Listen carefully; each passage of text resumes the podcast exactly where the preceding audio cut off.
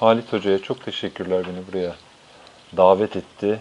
Ee, Buraya dinleyici olarak da konuşmacı olarak da hiç gelmemiştim. Çok güzel, çok enerjik, çok güzel pozitif bir enerjinin olduğu, ilim irfan kokan bir yer. Yani ben bunu bizim üniversiteler için söylerim. Ben bazı özel üniversitelerde ders verdim. Üniversite güzel, kampüs güzel ama ilim irfan kokmuyor. Ee, Ve o önemli bir e, kriterdir benim için eğitim kurumlarında. Burada öyle bir hava var. E, Onu e, umarım muhafaza e, edersiniz, ederiz. Beni e, Aristoteles'in bir eseri üzerine e, üç oturumluk bir ders vermek üzere çağırdılar. Eğer yanılıyorsam da düzeltin yani her an başka bir şey yapabilirim. E, Aristoteles'in ruh üzerine e, diye benim çevirdiğim bir kitabı. Çok yeni bir çeviri bu. Pinhan yayınlarından bir ay önce falan çıktı. Onun, e, o çeviri konusunda konuşacağız. Bugün saat 14'te buluşmuş olduk. E, kağıt üzerinde bir buçuk saatlik bir vaktimiz var ama ben hiçbir zaman bir buçuk saat konuşmuyorum. Bana kalsa beş saat falan konuşurum.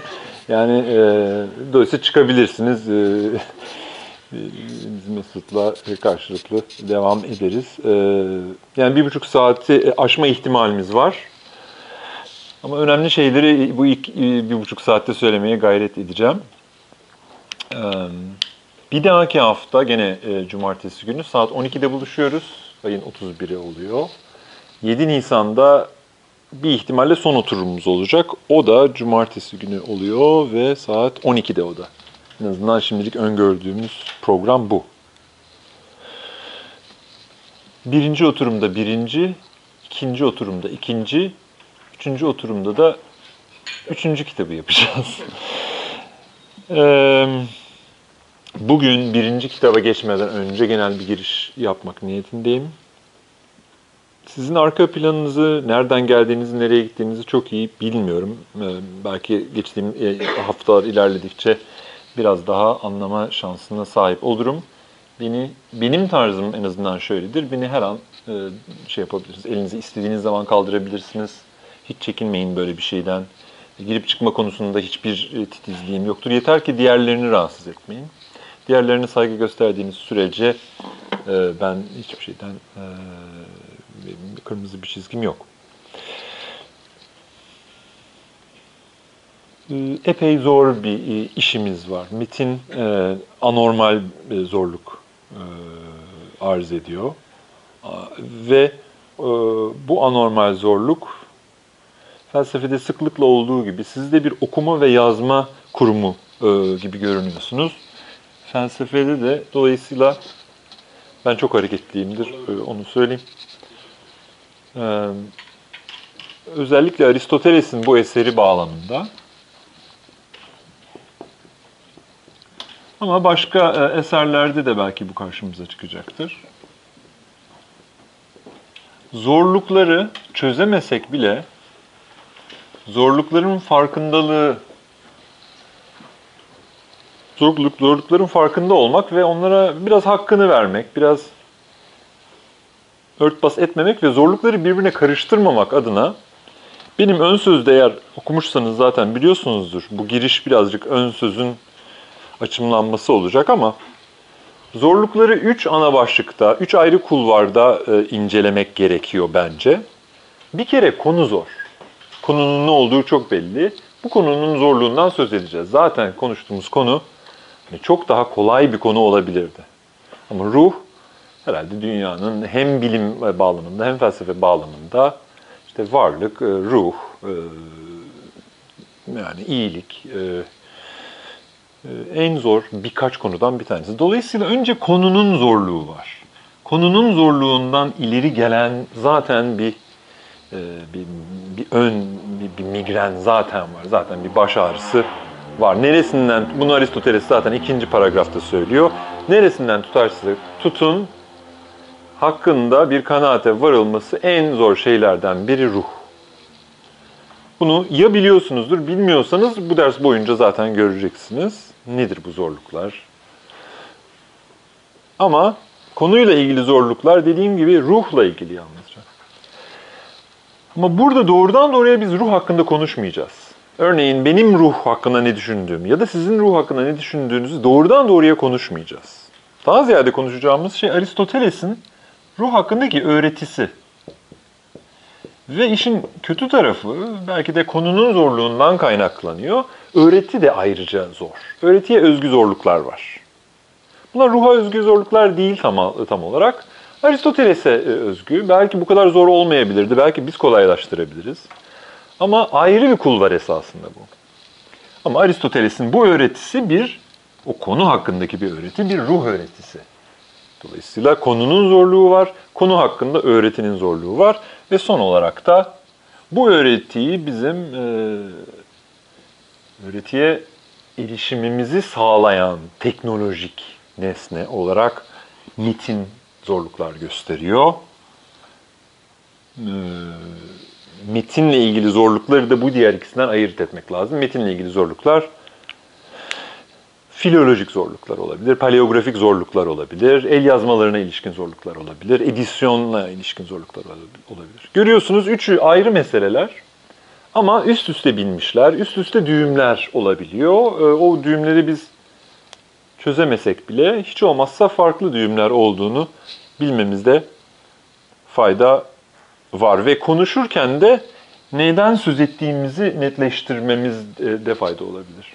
Yani karşımıza çıkan bu zorluk acaba ruha özgü bir zorluk, ruhtan kaynaklanan bir zorluk mu? Konu zor zaten. Yoksa o Aristoteles'in felsefesinde böyle diyelim ki e, gereksiz zorluklar var belki. Belki yanlışlıklı, yanlışlıklar var. Belki varsayımları var Aristoteles'in. Biz hiç kabul etmek istemiyoruz. Belki anlamıyoruz. Belki çok zor bir öğretisi var. Bu karşımıza çıkacak. Metinle ilgili zorlukları burada çok fazla konuşamayacağız. Çünkü eski Yunanca, paleografya ve e, başka başka bir düzey esasında o. E, ama bu metin yani ruh üzerine e, adı verilen benim öyle çevirdiğim metin paleografik olarak, metin olarak çok çok kötü durumda. Çok kötü durumda. El yazmaları yani bizim bu metni oluşturmamızı sağlayan el yazmaları çok bulaş birbirine bulaşmış durumda. O kadar birbirine bulaşmış durumda ki onları birbirinden ayırt edip hangisinin sahih, hangisinin gayri sahih olduğunu belirlemek çok zor. Bu biraz şeye benziyor. Burada bir kaza olmuş, bir sürü insan kazayı görmüş. Birisi demiş ki yeşil araba çarptı, öbürü diyor ki kırmızı araba çarptı. Peki güzel acaba kırmızı araba mı çarptı, yeşil araba mı çarptı ama Yeşil araba diyenlerle kırmızı araba diyenler, bu kaynaklar, bu e, tanıklar diyelim, birbirleriyle de konuşuyorlar. O en kötü şey esasında. Onları izole edip dinlemek lazım. Çünkü birbirleriyle konuştukları anda e, ben birisinden duyduğum için yeşil araba çarptığını söylüyorum. Yoksa benim yeşil arabanın çarptığını görmüşlüğüm yok diyebil böyle bir senaryo mümkündür. Kişiler birbirini etkileyebilir falan filan. Başka bir deyişle bu paleografik bir problem. E, tipik olarak paleografide ve metinlerin edisyonunun oluşturulmasında kullanılan tanıkların bağımsız tanıklar olmasına özen gösterilir. Öğretiye aksettiği durumlar var mı hocam metinle ilgili sıkıntıları? Güzel. Var tabii. Tabii tabii ki e, bazı yerlerde bazı yerlerde var. Bazı yerlerde var. E, onları da işaret edeceğim eğer metinde hele e, oralardan geçeceksek öğretiye aksettiği bir takım yerler var. En basiti göreceksiniz. Üçüncü kitabın e, beşinci bölümü metin olarak e, paramparça, çarpık çırpık ya da e, yamalı bohça gibi. Benzer biçimde üçüncü kitabın sekizinci bölümü de böyle. Ve üçüncü kitabın beşinci bölümü çok da önemli öğreti olarak. Çünkü faal akıl meselesinin geçtiği bölüm o. Ve o olgu da zaten çok ilginç bir olgu. Yani eğer aklımızda faal olan bir yan mı var yoksa faal akıl diye ayrı bir şey mi var? Bütün bu, bu tartışma konu zaten e, ilginç bir konu ve tabii ki gelenekte e, çok en çok tartışılmış konulardan biri. Dolayısıyla gelenek hem konunun zorluğu hem Aristoteles'in öğretisindeki tuhaflık hem de metinlerin e, handikapları ya da azizliklerinden dolayı bir anlamda patinaj çekiyor e, ve iyi bir patinaj esasında o çünkü insanların kafasını çalıştırılmasına e, yol açıyor. Ön, ön sözde birazcık değindiğim minik bir konu var. Hemen ona değinip devam edeceğim yoluma. Aristoteles'in bu metninde ben yer yer çok alacakaranlık bir e, rasyonelite görüyorum. Yani ne dediği tam anlaşılmıyor, pırıl pırıl değil. Her, her pasaj öyle değil ama öyle pasajlar var ki pırıl pırıl değil, tamamen karanlık da değil. Tamamen anlaşılmaz da değil. Geleneği, okuru, e, bir filozofun, bir filozoftan gelen, e, sonra gelen kuşakları en çok uğraştıran, en çok kışkırtan, en çok da e, uğraştıran yazı tipi ya da rasyonelite dozu bu oluyor diye düşünüyorum. Yani ne dediğini anlar gibiyim, tam ucuna geleceğim. Bir türlü tam olarak anlayamıyorum. İnsanı adeta e, oltayı gösteriyor ve sürekli geri çekiyor gibi. Maalesef bu metinde bu çok var. İnsanı sürekli e, susuz getirip susuz götüren çok pasaj var. Buna alışık olmanız lazım. Büyük bir ihtimalle e, ya da bir ihtimalle hayal kırıklığına uğrayabilirsiniz bütün bu anlatılanlarda. Onu da söyleyeyim. Okey, öyleyse e, bu üç düzeyi ayırmakta fayda var. Bugün biraz genel bir giriş yapacağım.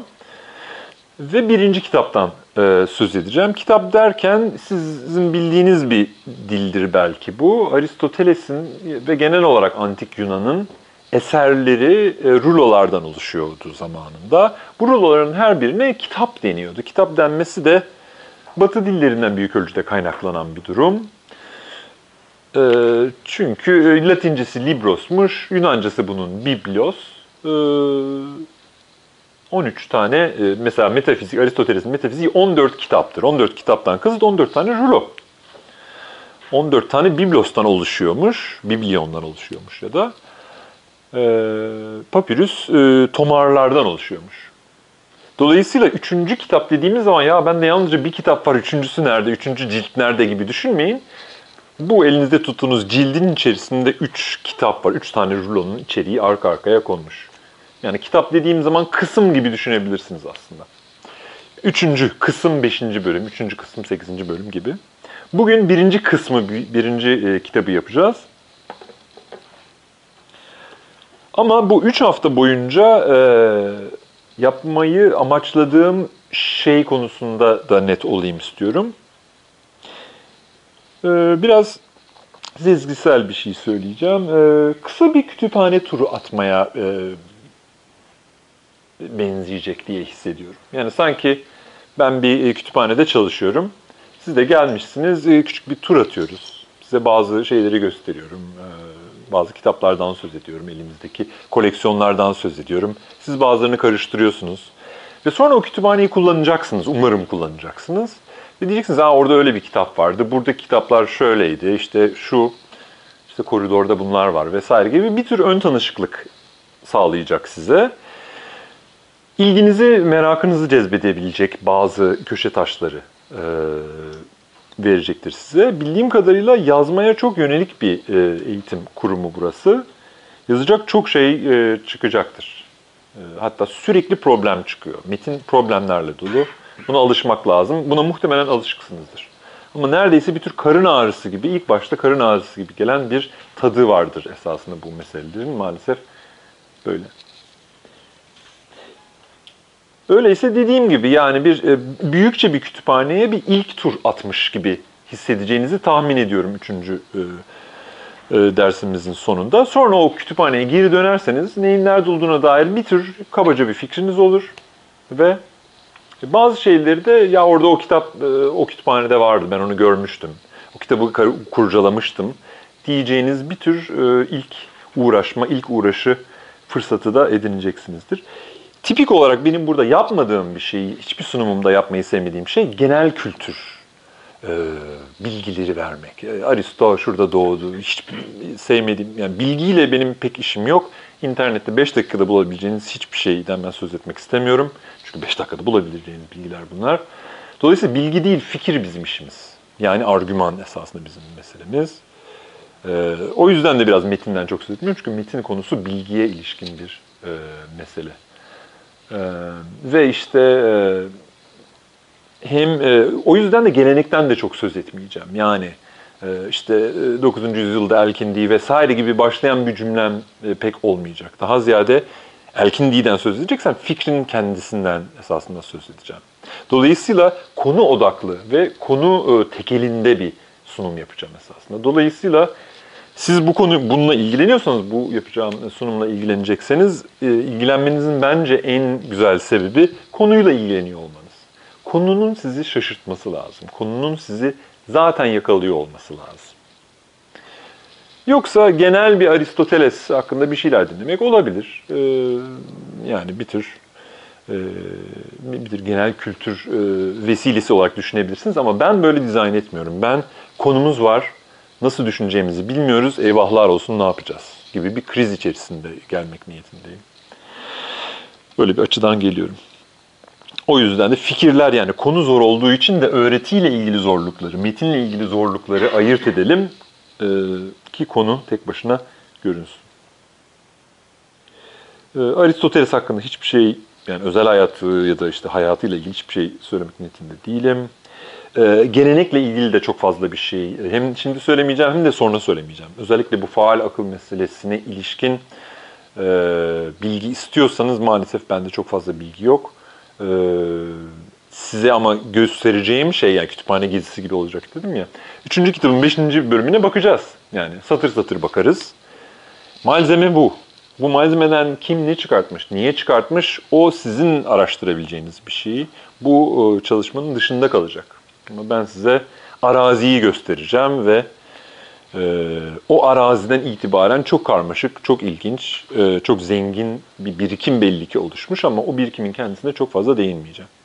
Birazcık e, zaten Aristoteles'in bence felsefesine özgü e, bir tür naiflik içerisinde bakacağız her şeye. Yani geleneğin içinden bakmayacağız aslında. Geleneğin başında olduğumuz için pek gelenek yok ortada. Gerçi bunu göreceğiz birazdan. Özellikle birinci kitap Aristoteles kendi geleneğini ele alıyor. Aristoteles'in gelenekle bir ilişkisi var esasında kendine göre. Bunu eğer geleneklerle ilgilenen bir insansanız e, ona dikkat edebilirsiniz. Çok hoş bir konudur, çok güzel bir konudur. Platon kendinden öncekileri nasıl değerlendiriyordu? Aristoteles kendinden öncekileri nasıl değerlendiriyordu? Bu çok eğlenceli, büyük bir konudur ve maalesef Platon Aristoteles bağlamında bence hor kullanılmış, hor değerlendirilmiş bir konudur.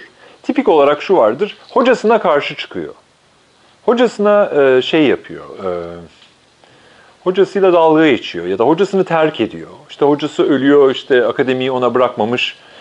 E, Aristoteles de e, yani romantik bir hikaye gibi duruyor daha çok bu. E, ve bunu her zaman söylemişimdir. 29 Mayıs'taki bir sunumumda olan galiba arkadaşlar vardı. Orada da vurguladığım şeylerden bir tanesi. Platon ve Aristoteles size yansıtılandan çok daha hemfikir. Çok daha önemli konularda hemfikirler, çok daha derin konularda hemfikirler.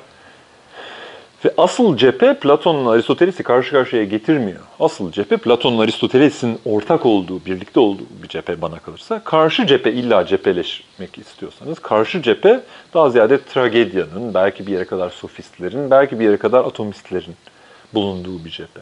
Dolayısıyla benim antik Yunan felsefesi manzaram da zaten farklıdır. Siz Faydon okumaktan geldiniz. Güzel. Faydon'da size bir e, bir pasaja işaret edeyim. Aristoteles'in çıkış pasajı gibidir neredeyse. Şeyi hatırlıyor musunuz? Sokrates gençliğinde doğayla ilgileniyormuş. Anaksagoras okumuş. Aynı güzel işte nihayet birisi akıldan söz edecek. Yani doğada olup biten şeylerin sanki öyle rastgele olup bittiğini anlatan onca insandan sonra birisi de çıkıp ya tamam dünya ile ay arasındaki mesafe şu kadar da bu kadar olması gerekiyor zaten. Yani dünya ve ayın zaten esprisinin bir parçası o mesafe. Şimdi o mesafeyi ölçmek başka, o mesafeyi anlamlandırmak neden? İyi bir mesafe. Neden doğru mesafe olduğunu anlamak bambaşka bir soru. İşte Sokrates bu soruyla doğaya yaklaştığı zaman kayboluyor, yolunu bulamıyor. Anaksagoras akıldan söz ettiği için çok seviniyor. Diyor ki harika adamımı buldum.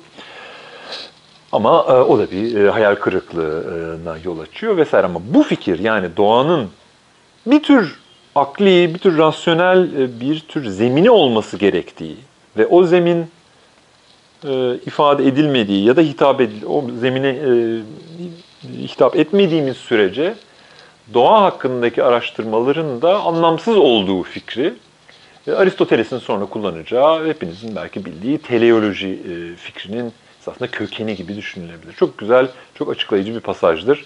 Benim gözümde eğer Sokrates gençliğinde telosu arayıp yani gayi bir biçimde doğaya yönelip onu bulamamış.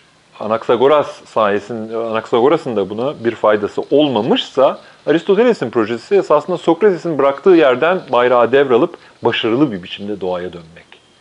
Bu da genel bir Aristoteles karakterizasyonu olsun. Aristoteles sırtını doğaya çevirmek zorunda kalan, bir tür hayal kırıklığıyla doğayı sırtını çevirip logosa, insanlara, gençlere, etiğe, insan ruhuna dönen Sokrates'ten farklı olarak doğada da rasyonelite bulabileceğini, daha doğrusu doğayı araştırma projesini ondan devralan, onun başaramadığını başarmaya çalışan bir filozof olarak düşünülebilir. Başka bir deyişle Platon ve Aristoteles'i karşı karşıya koyma alışkanlığınızı biraz dinlendirin. Birazcık e, nadasa bırakın. Okey. Aristoteles'in evrenini ne kadar biliyorsunuz?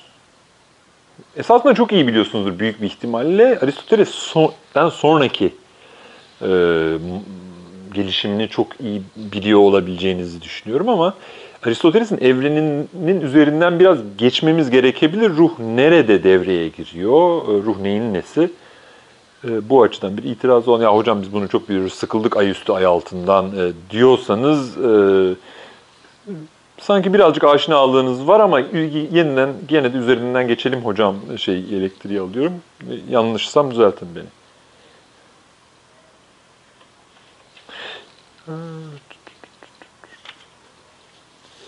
Birkaç genel e, özellik. Aristoteles'in evreni, Aristoteles'e göre etrafına baktığı zaman gördüğü şey uzamsal olarak yani mekansal olarak sınırlı ve kapalı bir şey görüyor. Yani baktığı zaman sonsuza giden bir uzay görmüyor etrafında. Kapalı bir şey görüyor. Bu bizim için tuhaf olabilir. Biz belki e, işte sonsuz bir uzay düşünmeye alışkın olabiliriz. Aris düşündüğünüz zaman e, uzay sonlu mu sonsuz mu? Her ikisi de çok zor fikirler. Sonluysa da çok büyük problemler var. Aristoteles'in dediği gibi çünkü dışında ne var o zaman? Saçma, e, sonlu demek de saçma. Sonsuz demek de çok daha az saçma da değil bana kalırsa. Ama Aristoteles'in evreni sonlu, sınırlı bir evren. Hatta e, galiba İdea yayınlarından e, çevirisi çıkmış bir kitap vardır. Meşhur, güzel, çok hoş bir kitaptır. Ve çok iyi bir fikir verir. E, Kuare'nin. E, Kapalı dünyadan sonsuz evrene galiba doğru mu? Kapalı dünya dediği şey Aristo'nun dünyası. Yani ve kapalı iyi bir şey. Sonsuz kötü bir şey. Göreceğiz bunu. Kapalı çünkü şey demek, bitmiş bir cümle gibi ne anlama geldiğini biliyorsun. Olumlu mu, olumsuz mu, soru cümlesi mi, emir cümlesi mi? Ee, yani muayyen o anlamda, belirli cümlenin içeriği kötü olabilir. Cümlenin içeriği işte şu olabilir ama cümlenin içeriğinin ne anlamı belli hiç olmazsa. Ama sonsuz bir cümle duyduğunuzu düşünün. Bunu yapmaya çalışmıştır bazı yazarlar mesela. İşte döngüsel olarak yapan ya da sonsuza giden cümleler kurmak isteyen yazarlar var. Olabilir. Oradaki onların yapmaya çalıştığı şey zaten anti-aristocu bir şey. Ve e, anlamın sürekli ertelenmesi üzerine zaten e, estetiklerini kurmuş olabilirler. O da kendine göre meşru bir yol olabilir. Anti-Aristocudur bu. Aristo için e, sanat eseri de zaten bitmeli ve sınırı olan bir şeydir. E, ve e, sınırı üzerinden anlaşılabilir her şey. Bir cümle nasıl ancak bittiği zaman anlamlanıyorsa, alem de ancak kapalıysa, dünya ancak kapalıysa bir rasyonelite arz ediyor esasında. Bunu birazdan daha açıkça göreceğiz. İlk şey mekansal olarak sınırlı, kapalı. Zamansal olarak tersine sınırsız, e, ezeli, ebedi. Bu tabii çok büyük bir konu e, ve gelenekte çok tartışmalara yol açmış e, bir konu. Gelenekte modifiye edilmiş bir konu. Eğer zamanın başlangıcı ve sonu isteniyorsa Aristoteles'in modeli alınır ama buraları kırpılır. Zamanın başının olup olmaması ya da sonunun olup olmaması sorusu biraz mekanın sonsuz olup olmamasına benziyor. Hangi takımı tutarsanız tutun teorik problemler var. Yani hiç kimse çok rahat değil. Hiç kimse oh tamam e, problemi çözdük diyemiyor bana kalırsa benim gördüğüm kadarıyla. Yani Big Bang de deseniz, başka bir şey de deseniz hep bir soru kalıyor. Hep bir insanın içinde bir ukde kalıyor aslına bakarsanız. Aristoteles'in modelinde e, ezeli ve ebedi bir evren var. Ezeli ve ebedi olması müthiş önemli. Birazdan göreceğiz. Neden müthiş önemli. Aristoteles'in evreni öyleyse mekansal olarak kapalı, zamansal olarak ucu açık, başı sonu açık bir ev, bir e, bir evrenmiş. Küresel ve yer merkezli tabii ki. Küresel ve yer merkezli olduğuna göre e, yerden eşit uzaklıkta kabaca şeyler e, evrenin ucu, evrenin ucu diye bir şey var sonuçta. Peki e, hiyerarşik pardon ne dedim? Ezeli, ebedi, küresel, yer merkezli ve en önemlisi hiyerarşik. Ve yerin merkezde olması zaten hiyerarşinin bir gereği. Başka bir deyişle dünyanın sistemin merkezinde bulunması GPS e, olarak e, GPS ile tespit edilmiş ve aa böyleymiş denebilecek bir şey değil. Hasbel kader ortadaymış. Değil tam tersine ortada olması zorunlu bir tarafı var yerin.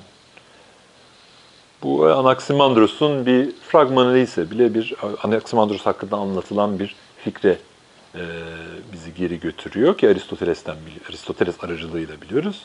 Anaximandros evren içerisinde dünyanın biraz bir tarafta olmak için ne gibi sebepler varsa biraz öbür tarafta olmak için de aynı sebepler olacağı fikrinden hareketle ortada durmasının zorunlu olduğu sonucunu çıkarır. Yani dünyanın evrenin biraz solunda olması için herhangi bir sebebiniz varsa ben de sağında olması için karşı kartlarımı kullanacağım. Bundan çıkan sonuca bakın. Dünyanın nerede olduğunu bilmiyorum demiyor.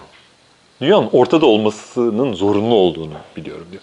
Buna yakın bir e, bakış açısı vardır Aristoteles'in. Her halükarda yer ortadadır ve hiyerarşi gereği ortadadır. Bu hiyerarşiden tabii e, bayağı söz edeceğiz. Hiyerarşi burada bugün bizim kulağımıza kötü bir şey olarak geliyor. Yani ezen ve izlen var gibi, işte bir tarafta iktidar, öbür tarafta izlenenler var gibi. Hiyerarşiden bu anlaşılıyor olabilir. Çok yaşayın. E, ama e, Aristot Aristoteles e, bunu böyle görmüyor. Her düzeni hiyerarşik olarak görüyor. Ve var olan az çok her şey düzenli. Dolayısıyla hiyerarşi az çok her yerde. Ve hiyerarşide hakikaten üst ve alt var. Yani yalnızca farklarımız var değil. Hayır, o farklara iliştirilmiş değer yargıları da var. Bunları göreceğiz birazdan zaten.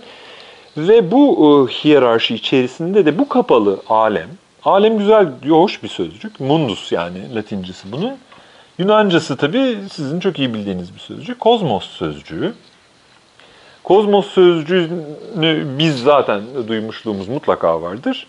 Kozmolojiden, kozmogoniden, şundan bundan ama kozmetikten de biliyoruz ve bu bir tesadüf değil. Kozmos e, temelde askeri bir düzen, nizam, tertip ama aynı zamanda güzellik, makyaj, süs anlamına gelebiliyor. Ve dünyaya bir süs olarak bakma zaten gelenekte vardır bu fikir. E, bu dünya bir e, işte e, süslenmiş bir geline benzer vesaire. Dünyanın süslü ve güzel bir varlık olduğu fikri çok e, Aristocu bir fikirdir ve Pitagorasçılardan kalma bir fikirdir aslında. Başka bir deyişle ortada bir hiyerarşi var. Kapalı bir alem, ezeli, ebedi. Bir düzen var, o düzen güzel. Düzenin güzelliği zaten e, şey Faydon'daki pasajdan da geliyor. Yani Sokrates diyordu ki, ya siz bana diyorsunuz ki Ayla dünya arasındaki mesafe şu kadar kilometre ya da şu kadar stadyon. Peki de niye böyle olması güzel?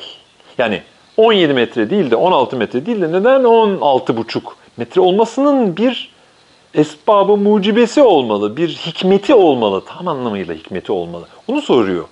Ve hikmeti yoksa o zaman ha 18 yani o zaman e, iddia kuponuna dönüyor esasında doğaya bakmak. Ölçüyorsunuz ve asperkader öyle denk gelmiş. 17. Peki.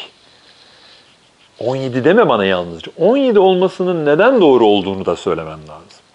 Neden güzel olduğunu söylemen lazım vesaire vesaire. Gördüğünüz gibi bu fikir bütün kendilerinden sonra gelen uzun bir geleneği ayakta tutan ve besleyen bir trafo fikir esasında. Müthiş bir fikir yani. Çok heyecan verici bir fikir ve e, zaten bu tonu mutlaka çok iyi duyum, çok iyi biliyorsunuzdur. E, hepimizin gelenekten, metinlerden, yöntemden, e, bilim anlayışından, şundan bundan, e, evren anlayışından, e, etik anlayışından hepsinden esasında arka planında bu fikir vardır. Bu e, bu titreşim vardır. E, dünyanın düzeninin doğru olduğu, güzel olduğu, optimal olduğu fikri. Aristoteles de bu karşımıza çıkıyor. O yüzden onun evreni bu anlamda kozmetik bir evrendir. Hoş, baktığın zaman güzel bir şey görürsün. Neye kıyasla? Neyle karşı karşıya koyabiliriz bunu? Bence trajik insana kıyasla.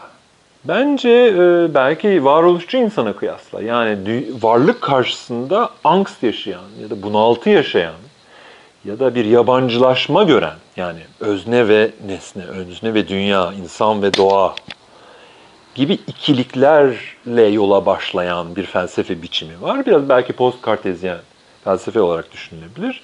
Biz burada e, pre-kartezyen e, durumdayız. Yani dünyaya bakıldığı zaman bir yabancılaşma üzerinden değil, bir hayranlık üzerinden başlanıyor. O ne kadar güzel bu. Homer ve Hesiod'un karşılığı olarak da belki görünebilir. Kaosun karşısında o. Evet. Özellikle de tragedyanın karşılığı. Bu konuya geri döneceğiz. Zaten ilk cümleleri daha bu ruh üzerinin. Bir anlamda antitrajiktir. Şu açıdan antitrajik. Tragedyalarda sıklıkla karşımıza çıkan fikir şudur. Bilgi mutluluk getirmez. Bir kere bilgi mümkün olmayabilir. İnsan bilgisinin zaten değeri beş para etmez bir şeydir. İnsan bilgisi de denen şey. Dolayısıyla insanın hakikate ulaşması son derece zordur ya da imkansızdır. Ve zaten hakikate erişebilirsen de hiç erişme daha iyi mutluluk vermiyor. Çünkü tam tersine büyük acı veriyor. Kendini e, şey, e, Oidipus'un başına gelenleri düşünün bir örnek olarak. E, Bilgi acı bilgidir. Bilgi acı verir. Ve bu fikir de çok yoğundur. Bugün bile çok duyuyoruz insanlar biraz İngilizce bildiklerini adeta göstermek için ignorance is bliss diyorlar. Yani cehalet mutluluk getirir. Böyle bir laf var. İnsanlar çok seviyor bunu söylemeyi. Çok anti-aristocu bir fikirdir bana kalırsa. Aristoteles için zaten daha ilk cümleden fark etmişsinizdir. Bilgi bizim için güzel bir şey. Bilgi bizim için harika bir şey diyerek başlıyor kitap. Çok garip bir başlangıç. Bilgi bizim için güzel bir şey. Hele ruhun bilgisi Allah çok güzel bir şey diyerek başlıyor. Buna protreptik denir. Protreptik yani e, konu ne kadar güzel diyerekten esasında dinleyiciyi ya da okuyucuyu e, teşvik etmeye, e, şevklendirmeye, konunun güzelliğini anlatmaya e, yönelik bir e, meşhur bir e, retorik üsluptur bu. Konu çok güzel bir konu. Ve biz de bilmeyi çok seviyoruz diyor. Biz derken kimi kastediyor bilmiyoruz. Aristo kendi öğrencilerini mi kastediyor, biz Aristocuları mı kastediyor? Bütün insanlar biz böyleyizdir mi demek istiyor bilmiyorum. Ama bilgi konusunda Aristoteles hem insanın bilgiye ulaşabileceği konusunda müthiş iyimserdir. Hem de bilginin mutluluk getireceği konusunda da iyimserdir. Bu açıdan iki bence Aristoteles'i, Aristoteles'in bu dünya karşısındaki halini e, antitrajik, antimodern, e, pre-kartezyen yani Descartes öncesi bir tür tutum olarak düşünmek mümkün bana kalırsa. Neden bunun böyle olduğunu biz e, konu ilerledikçe göreceğiz. Ben e, neden e, Aristoteles'in evreni kozmetik bir evren, neden güzel bir evren, e, bunun inceliklerine gireceğiz. E, uzun süredir benim bildiğim kadarıyla Türkiye'de benim çevremde pek görmediğim bir havası var Aristoteles'in bence bu e, bu yaklaşımının. E, doğayı incelemenin e, acayip coşkunluk verici bir şey olduğu ve kitabın arka kapağında yazan tabi pasajı düşünüyorum. Yani şey diyor orada yani solucanlara, işte süngerlere, kara fatmaları bile bakın yakından diyor. Bakacağız diyor. Çocuk gibi iğrenmek yok diyor. Neden? Çünkü burada da tanrılar var diyor. Heraklit böyle bir laf söylemiş. galiba mutfakta mıymış ya da başka bir yerdeymiş belli değil ama ısınıyormuş. E, e, misafirler gelmiş ama biz girmeyelim demişler. Gelin gelin burada da tanrılar var. Çekinmeyin. Burası mutfak olduğuna bakmayın demiş Heraklit. Aristoteles de bunu alıntılayarak şey diyor. Doğayı inceleyeceğiz. Doğanın her köşesinde bir güzellik vardır. Bu hava e, şey e, bu havayı benim çocukluğumda falan hatırladığım bir şey bu. Bilim kitaplarında ya da bilim e, televizyon programlarında ya da e, derslerde vardı bu hava. E, sizin de size de tanıdık belki de gelecektir. Evrene geri dönüyoruz. Ne dedik? E, mekansal olarak sınırlı, zamansal olarak ucu, ucu açık, küresel, yer merkezli, hiyerarşik ve güzel adeta, kozmetik bir evrenden söz ediyoruz. Bu e, bu hiyerarşinin e, çok önemli bir veçesi e, evrende dediğim gibi hiyerarşi bugün kötü bir tırnakla kötü şeyler hemen getiriyor. Aristoteles durum böyle değil. Aristoteles de evrenin hiyerarşik özelliğinin ilk görünüşü şudur. İki tane yöreye ayrılmıştır bildiğiniz gibi Aristoteles'in evreni. Ay altı ve ay üstü.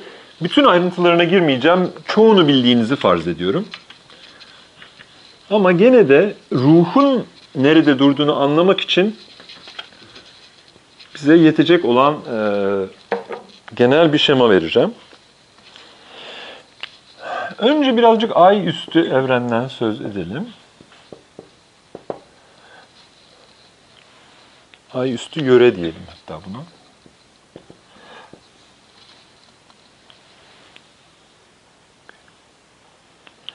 Ay üstü yöre yani evrenin bir, bir bölgesi var, bir yöresi var, ay üstü.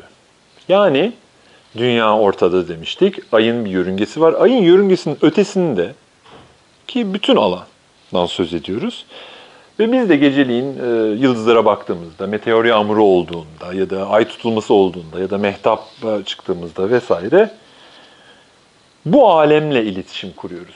Aynı zamanda denizcilik yapıyorsak ve pusula yoksa bu alemle ilişki kuruyoruz. E, burçlara ya da bayram saatlerine ya da e, mevsimin nasıl olacağını araştırmak istiyoruz. Gene e, yıldızlara bakıyoruz, gökyüzüne bakıyoruz.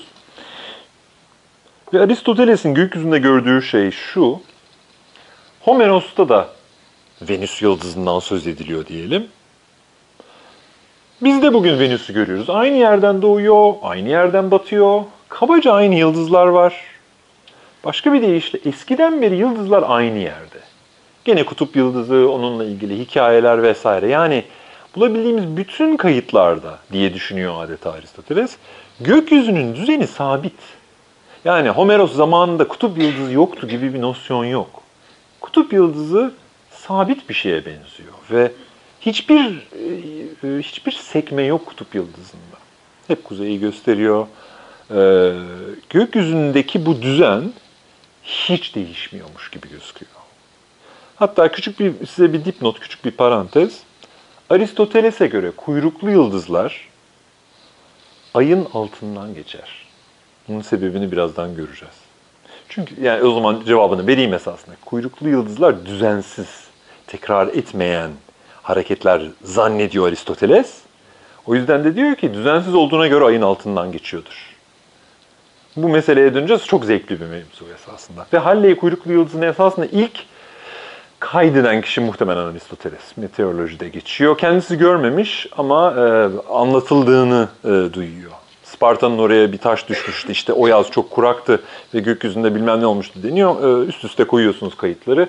Halley kuyruklu yıldızı Aristoteles'in sözünü ettiği dönemde oradan gözükebiliyormuş büyük bir ihtimalle. Halley kuyruklu yıldızını görmüş ama Halley kuyruklu yıldızının çok büyük bir şey olduğu için, e, devri olduğu için bir insan ömrüne asla sığmayacak bir devir olduğu için de gördüğü şeyin tekrarlanan bir fenomen olduğunu düşünmemiş, çuv diye uçtu gitti diye düşünmüş büyük bir ihtimalle.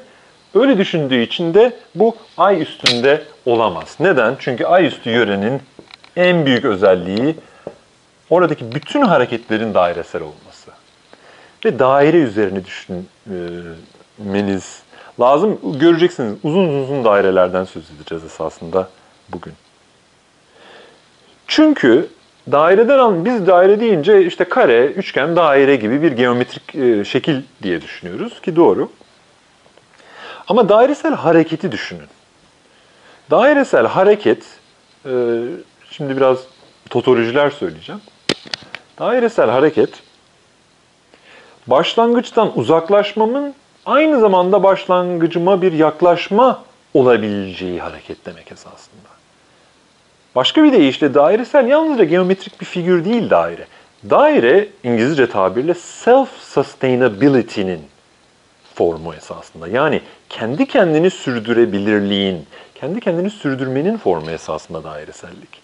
Dolayısıyla dairesel hareket Aristoteles'e göre mükemmel, düzenli bir e, harekettir. Neden? Çünkü yeniden başlatmanıza gerek yok. Ezeli ve ebedi olduğunu hatırlayın evrenin.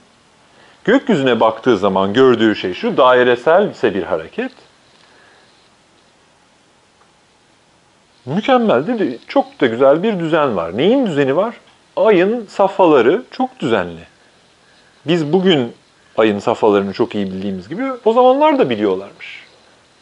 Göya 18 Mayıs 585'te Thales tam güneş tutulmasını önceden görebilmiş. Bu bir efsane. Ama şunu anlatmaya çalışıyorum.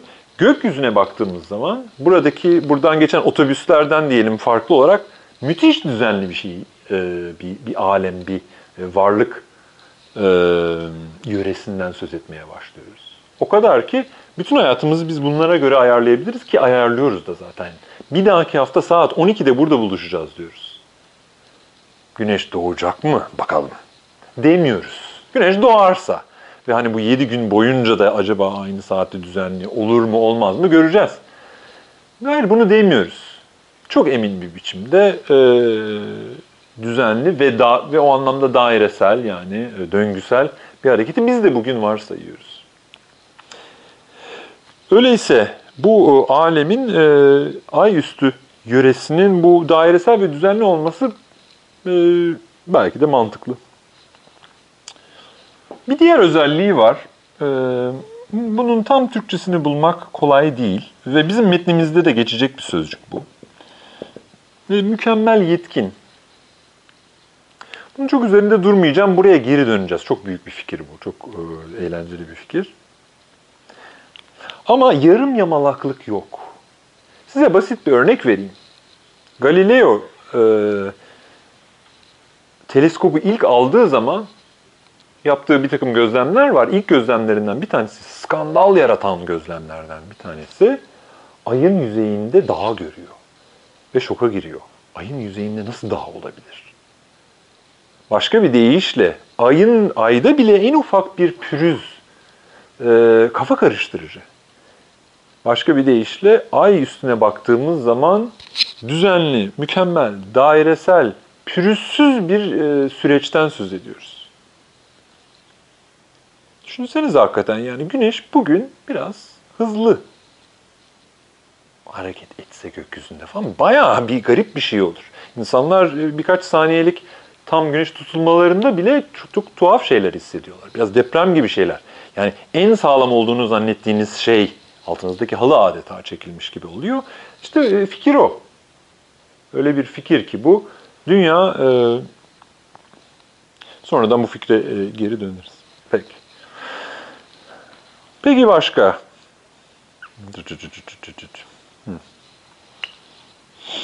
Neden dönüyor peki? Dönmeyebilir, ters yöne dönüyor olabilirdi.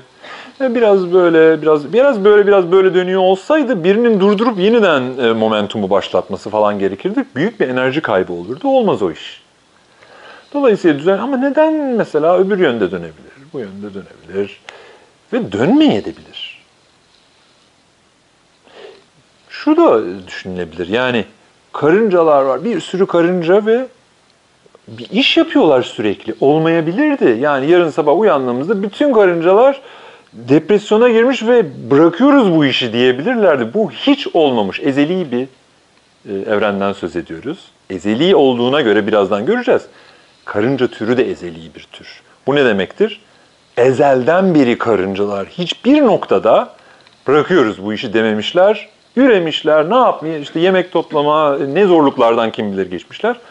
Ama e, ne yapıp yapıp bu meşaleyi elden ele geçirerek günümüze kadar getirmişler.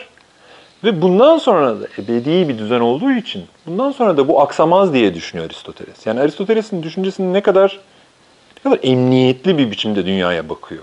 Bizim biz modernlerin, biz trajiklerin hiç düşünmediği bir emniyet içerisinden dünyaya bakıyor. Çocuksu bir emniyet içerisinde. Anne bir yuvanın içerisinde bakarcasına bakıyor. Biz bugün ne bileyim ben iklim değişikliği, dünyanın sonu mu geldi, e, havalar çıldırdı ya da teknoloji devreye girdi, şehirleşme diye bir şey ortaya çıktı vesaire vesaire. Biz bugün başka bir sularda geziyoruz. Dolayısıyla biraz daha küçük şehirler, biraz daha e, belki taşra, belki biraz daha köy hayatı, biraz daha ormanlarda hissettiğiniz hisler esasında. Belki daha e, daha güzel bir giriş yolu sağlayabilir Aristoteles. Okey. Bu süper e, şey yani soruyu sordum. Neden dönüyor? Dönmeyebilirdi. Karıncalar neden sürekli hareket ediyorlar? Durmuyor yani. Sürekli hareket ediyorlar, etmiyorlar ama varlıklarını sürdürüyorlar. Sürdürmeyebilirler. Sürdürmeleri için ben henüz bir sebep görmüyorum. Aristoteles bu soruya bir cevap veriyor aslında. Aristoteles diyor ki bu hareket, bu kıvıl kıvıl hem gökyüzündeki bu dönme hem de ayın altındaki diyelim bu çiçekler vesaire bitmiyor bu şey işi. Bu hareket hali. Bu istek yani. Biraz şey gibi esnaf gibi böyle sabah kalkıyor yani esnaf enerjisini düşünün. Sabahın yedisinde her seferinde orayı temizliyor, şey yapıyor, çayını içiyor, sigara ve e, gazetesini okuyor. Özel bir enerjisi var. Olacak iş değil. Ben hani beni bıraksanız e, yazacağım. Hayır. Bir tür e, özel bir enerjiyle ve ezelden beri e, gelen bir bir geleneği sürdürüyorlar. Neden? Neden sayın karınca, neden sayın e, gök cisimleri, neden dönüyorsunuz? Bu soruya Aristoteles bir tür cevap veriyor. Diyor ki, ya bunları arkadan iten bir şey olamaz.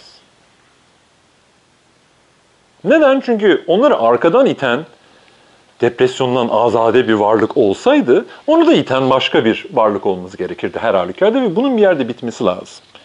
Başka bir deyişle bir noktada şu anda eğer hareket varsa sürecin belli bir noktasında kendisi arkadan itilmeyen ve hatta başkasını fiziksel olarak itmeyen ama başka şeyleri hareket ettiren bir hareket ettirici olmalı. Tanrı olmalı. Peki Tanrı'yla ne alakası var bunun derseniz Aristoteles'in söylediği şey şu. Ve bunu nasıl yapabilir? Tanrı ya da başka bir varlık başka bir şeyi ona dokunmaksızın, itmeksizin nasıl hareket ettirebilir? Çekmeksizin. Çünkü kendisi hareket etmeyecek. Kendisi hareket etmeyecek ve geri kalan her şeyi hareket ettirecek. Nasıl yapacak bunu? Esasında aşkla. Yani aşkla ne alakası var bunun? Var olan her şeyi çekmeyecek, tahrik edecek. Şu anlamda tahrik edecek. O kadar güzel olacak ki. Onu gören, onu bilen ya da onun huzurunda olan her şey onun güzelliği karşısında onun gibi olmaya çabalayacak esasında. Bu da hepinizin çok iyi bildiği şeyler yani fikirler gene titreşimler. Bütün gelenek boyunca zaten karşımıza çıkmış fikirlerdir ve Tanrı'nın e, mükemmelliğine e, iştirak etmenin en güzel yolu en mükemmel şeyleri yapmak. Biz insan olarak en mükemmel şeyleri yapmak ama bir kök cismi için bile bu söz konusu. Tanrı gibi mi olmak istiyorsun? Kendini en kendini sürdürebilir varoluş biçimini yakala. Ölümsüz olmaya çalış bir anlamda. Ama daha da önemlisi kendini sürdüren bir yapı ile Tanrı'yı taklit et, Tanrı'dan e, pay al diyor bazı pasajlarda Aristoteles. Özellikle Metafiziğin 12. kitabı ve e, De Anima'nın ikinci kitabının dördüncü bölümü bir dahaki hafta değineceğiz buna. Başka bir deyişle gök cisimlerinin sabitliği ve düzenliliği Tanrı'nın mükemmelliğine bir övgü esasında. Onun aşkına. oluyor bu iş. Bu şey meselesi çok e, karşımıza çıkacak. Aşkına, uğruna, e, hesabına ayrımları. Okey, öyleyse bir anlamda sistemin başında bu yüzden Tanrı esasında var. Ve Tanrı mükemmellerin tabii ki mükemmeli. Bu bunlar e, gene çok mükemmeller ve e, Tanrı Tanrı'ya yakınsama e, yakınsamak için, için esasında bu işi yapıyorlarmış. Peki bir cevap bulduk. Karıncalar o yüzden e, ürüyorlar. Göreceğiz. İkinci kitabın dördüncü bölümünde siz de okuyabilirsiniz. Hatta haftaya kadar mutlaka okuyun onu. İkinci kitabın dördüncü bölümünde bütün canlıların yaptıkları şeyleri neden yaptıklarını Aristoteles soruyor ve cevaplandırıyor. Yani karıncalar işte e, yemek biriktiriyorlar, ürüyorlar, e, yuva kuruyorlar, orayı temizliyorlar, iş bölümü yapıyorlar. Yani bir, bir sürü iş yapıyorlar. Hepimizin unuttuğu şey şu, bir sebep, yani sebep ne tam burada? Bir sebep var mı? Aristoteles sebep var diyor e, ve Tanrı'ya esasında tanrısal bir sebep olduğunu düşünüyor. Başka bir deyişle karıncalar, tabii ki karıncalar bunu düşünerek yapmıyorlar ya da gök de düşünerek yapmıyorlar ama kendi varlığımı ezeli ve ebedi bir biçimde sürdürmek en güzeli olurdu da o olmuyor. Bu yüzden e, ehvenişer bir yol buluyorlar. Birazdan buna döneceğiz. Gök cisimleri için bunun yolu dön. Okey. Ay üstünden e, neredeyse söz ettik. Ay üstünün peki malzemesi ne? Cam mı? Hava mı? Yok değil. E, biliyorsunuz e, esir evet. Beşinci bir elementmiş. Burada bence ilginç olan şeylerden ben buna süper teflon diyorum. Çünkü pürüzsüz olmalı ve e, hiçbir sürtünme olmamalı. Neden? Çünkü çok düzenli olması lazım. Aksama yok. Saydam ve bayağı küreler bunlar ve gök cisimleri bu kürelerin içerisine adeta bir mücevher gibi yuvasına yerleştirilmiş birer e, top herhalde. En azından benim düşüncem bu. Bildiğim bu. Ve topraktan, e, işte sudan, ateşten, havadan değil, beşinci bir elementten yapmak gerekiyormuş. Peki, burada yeni fark ettiğim bir şey bu esasında. Gökyüzünde tek öğe, tek element, tek unsur olduğu için zaten bozulma yok. Çünkü bozulma, oluş ya da bozuluş bir elementten başka bir elemente geçişle mümkün. Eğer tek bir element varsa zaten bozulacak bir yeriniz yok demektir esasında. Bunu yeni fark ettim. Aristoteles bunu açıkça galiba söylemiyor. Ben bunu Alfa'dan yeni çıkan kalın bir e, antik felsefe cildinde biraz buraya hazırlık olsun diye, bir tür jimnastik olsun diye okurken e, fark ettim. İlginç bir fikirmiş. Yani gökyüzü, e, ay- ay- ayüstü yöredeki nesnelerin bozulmamasının sebebi e, e, bir yandan da e, tek öğeden oluşuyor olmaları. Okey. Şimdi ay üstünü an- anlattık. Birazcık Tanrı'dan söz ettik. Tanrı, ay üstü yöre. Şimdi ay altı yöreye geçeceğiz. Buna bir zorunluluğu da ekleyelim bakalım. Zorunluluk ne anlamda bir zorunluluk? O, diyelim ki küçük ayı büyük ayının özelliklerinin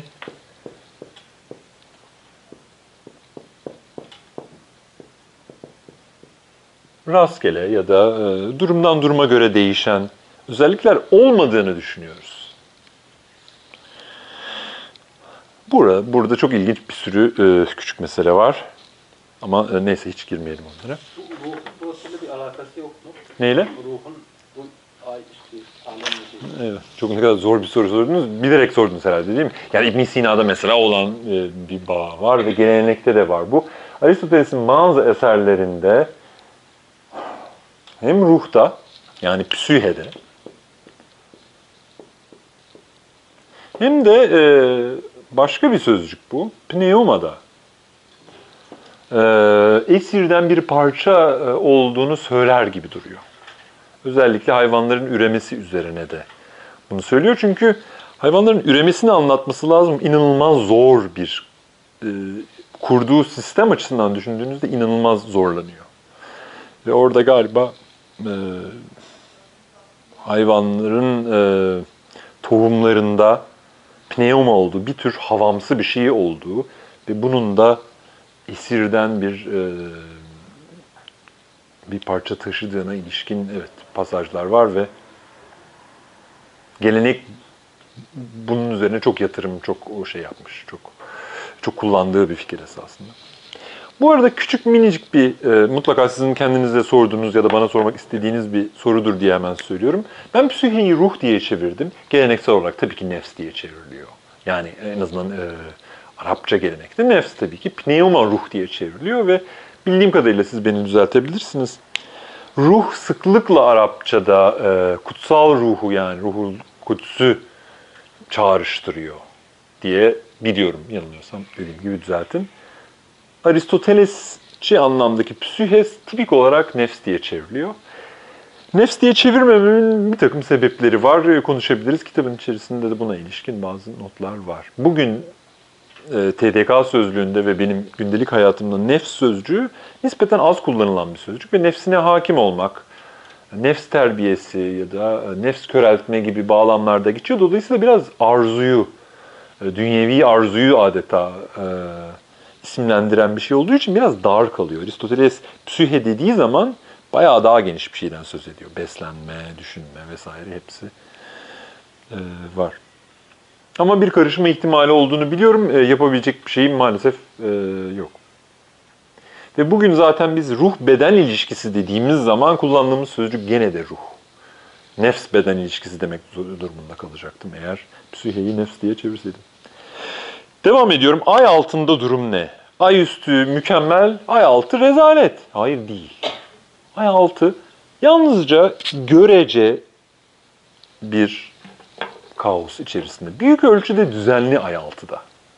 Aristoteles'in iyimserliği o kadar e, e, sınırsız ki ay altı da hiç şey değil. Hiç e, yani arkamı dönüyorum burada bir projektör var bir daha dönüyorum bambaşka bir şey var ya da e, baktığı zaman ay altında da gördüğü şey bir düzenlilik esasında. Devam ediyor düzenlilik. Ay üstü kadar değil ama başka bir yolunu buluyor adeta doğa ve ilk büyük problem şu.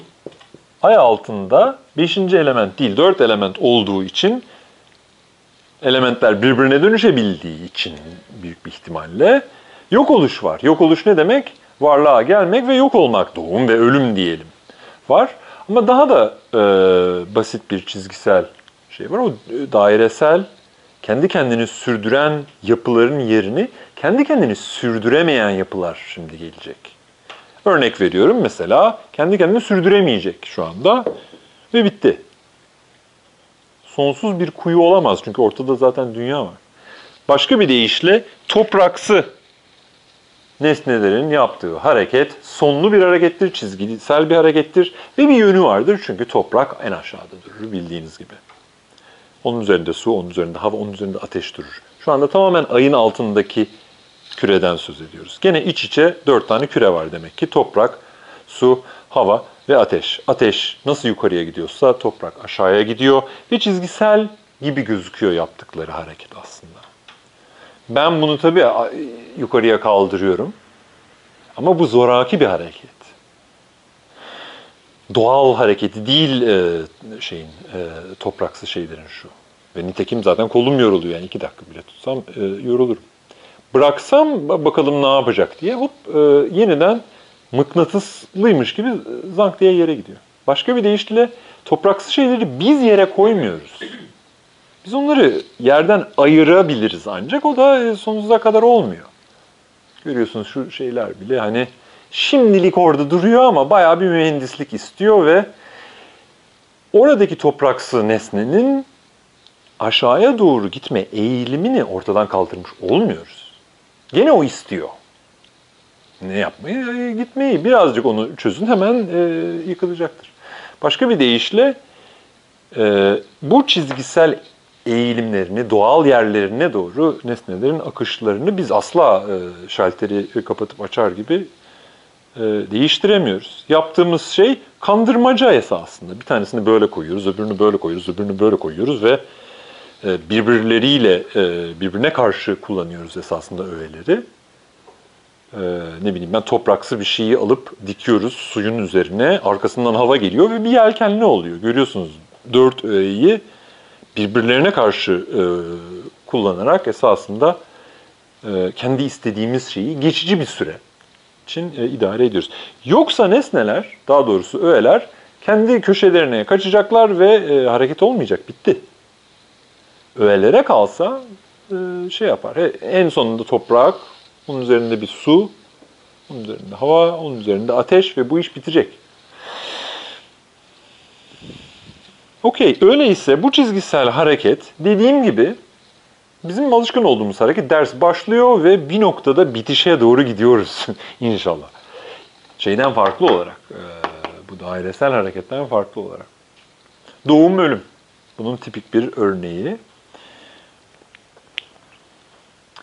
Ve burada dolayısıyla ol- oluş ve bozuluş var artık. Önceki ezeli ve ebedi düzeninden farklı olarak. Biliyorum birazcık tekrar gibi oluyor ama e, bir zararı umarım yoktur. Gerekirse de e, dediğim gibi e, ek oturumlar yaparız. Yavaş yavaş şeye doğru gelmeye başlıyoruz. Canlıların ne yaptığına doğru gelmeye başlıyoruz. Tahmin etmişsinizdir zaten. Oluş ve bozuluş olduğu için görece bir düzensizlik var ama göreceksiniz. Görece bu. Tamamen kaotik bir bir yöre değil bu. Görece düzensiz, görece de düzenli. Gene de bir düzenliliği var. O düzenliliği zaten birazdan göreceğiz. Dolayısıyla burada bir mükemmellik var ama madde de var. Yani yetkinlik olduğu kadar, fiil olduğu kadar kuvve de var. Ve bir fiil varsa kuvvenin içerisinden geçmiş bir fiil o. Bir yetkinlik varsa potansiyel halden e, ortaya çıkmış bir bir yetkinlik var. Buradakinden farklı olarak yani Jüpiter hiçbir zaman e, potansiyel olmadı. Yavaş yavaş onu oraya mesela biz vinçlerle çıkartmış falan olsaydık, inşa etseydik gezegenleri o zaman potansiyel söz konusu olacaktı. Ama ezeli ebedi olduğu için hiçbir e, potansiyel zamanı yok. Oysa ay altındaki sanırım her şeyde madde form ikiliğini görüyoruz. Yani hülomorfik analiz denen şey e, karşımıza çıkıyor. E, Ben buna güç ve yetkinlik diyorum. E, Kuvve ve fiil de epey kullanışlı tabirler. Buraya tabii buna çok yük bindireceğiz. Bu bugün konuşacağımız ilk konu Aristoteles'in evreni, ikincisi de Aristoteles'in metafiziği olacak. Ee, Ön sözde zaten okumuş olabilirsiniz. İki kısımlı bir ontolojiden üç kısımlı bir ontolojiye falan geçeceğiz. Ay altını anlatmayı e, e, bırakayım ve e, yani bitirmek üzereyim zaten. Dolayısıyla bir tür zorunsuzluk var. Yani birazdan Güneşten farklı olarak 5 dakika sonra buradan işte Üsküdar arabasının, Üsküdar otobüsünün geçmesi e, olabilir ama belediyenin nasıl çalıştığına bakar. Ne bileyim ben benzin olup olmamasına bakar. Bir sürü şeye bakar. Zorunsuz şeyler bunlar. Öyle de olabilir ama olmayabilir. Şoförün canı istemiyor işte olabiliyor.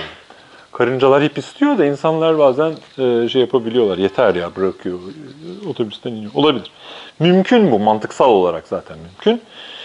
E, ama şuna dikkat etmenizi istiyorum işte. Ay altında, ay üstüne kıyasla bu görece kusurluluk olmasına rağmen ay altını da belirleyen şey gene de mükemmelliktir. Görece mükemmelliktir ve zorunluluktur. Kendine göre bir zorunluluğu vardır. Ay üstü yöreye özgü olan zorunluluk değilse bile Aristoteles'in bir tabiri var. Çoğunlukla diye çevriliyor.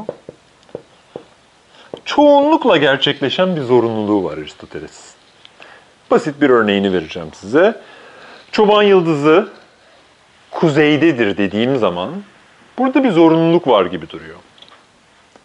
Daha da zorunlu gibi gözüken bir e, önerme, e, bir üçgenin iç açıları, e, üç açısı var, üç kenarı vardır. Zorunlu bir önermeye benziyor.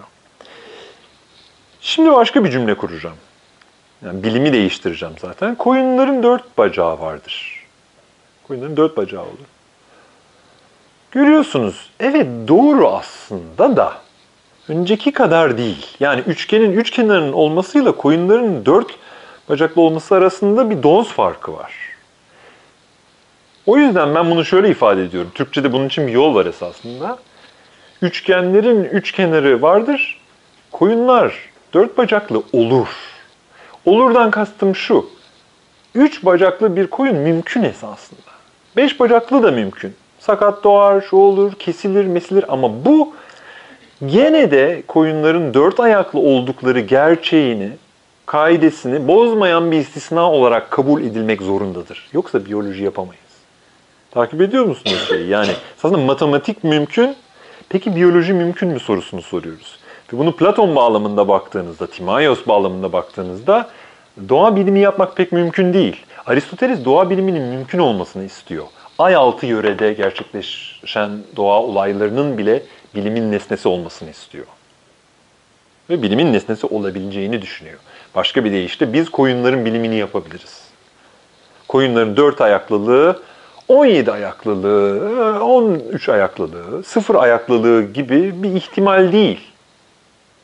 Sübstansiyel bir şey, tözsel bir şey, doğada olan bir şey, karşılaştığımız bir şey ve zaten koyunların yaşayış biçimi, birbirleriyle ilişkileri, çiftleşmeleri, beslenmeleri, yaşayış habitatlarına baktığınız zaman dört ayaklı bir varlık onun içine zaten cuk olarak oturuyor. Bir e, evrimsel terimler konuşacak, konuşacak olursak bir niş var.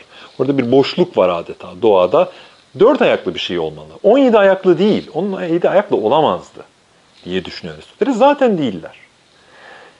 İki ayaklı ol yani e, şey siz kendi kafanızda bir çizgi film ya da bir mitolojik bir hikaye olarak tabii ki e, işte tek boynuzlu at tabii üretebilirsiniz. Aristoteles şey diyor, bakıyor tek boynuzlu at birincisi doğada görmüyoruz. Esasında e, olay ondan ibaret. Doğada görmüyoruz. Doğada görseydik Aristoteles incelerdi şeyi. E, tek boynuzlu atı incelerdi. Okey, bundan ne demek istedim? Şunu demek istedim. Ay altı e, bir tık daha düzensiz ama gene de e, global olarak süper, bayağı düzenli e, bir alem. Ve hatta göreceksiniz şimdi. Zorunsuz dedim ama belli bir zorunluluğu var. Hatta sanki dairesel değilmiş, çizgiselmiş gibi konuştum ama aslında bu çizgisellik içerisinde gizli bir dairesellik var. Size ben bunu sorayım.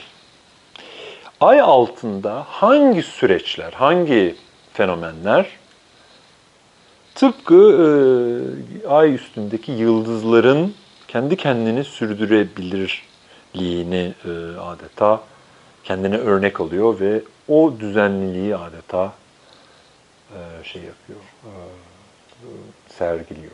Başka bir deyişle ay altında çizgisel olmayan bir takım süreçler acaba var mı gene de? Neslin devamı. Neslin devamı, üreme. Mevsimler, mevsimler. Evet, evet. Zaten mevsimlerle üreme e, inanılmaz yakın iki e, süreç. Mevsimler, mevsimler gene de büyük ölçüde de dairesel yanılmıyorsam. Ee, ama şeyler, canlılar, doğum var, yaşam var.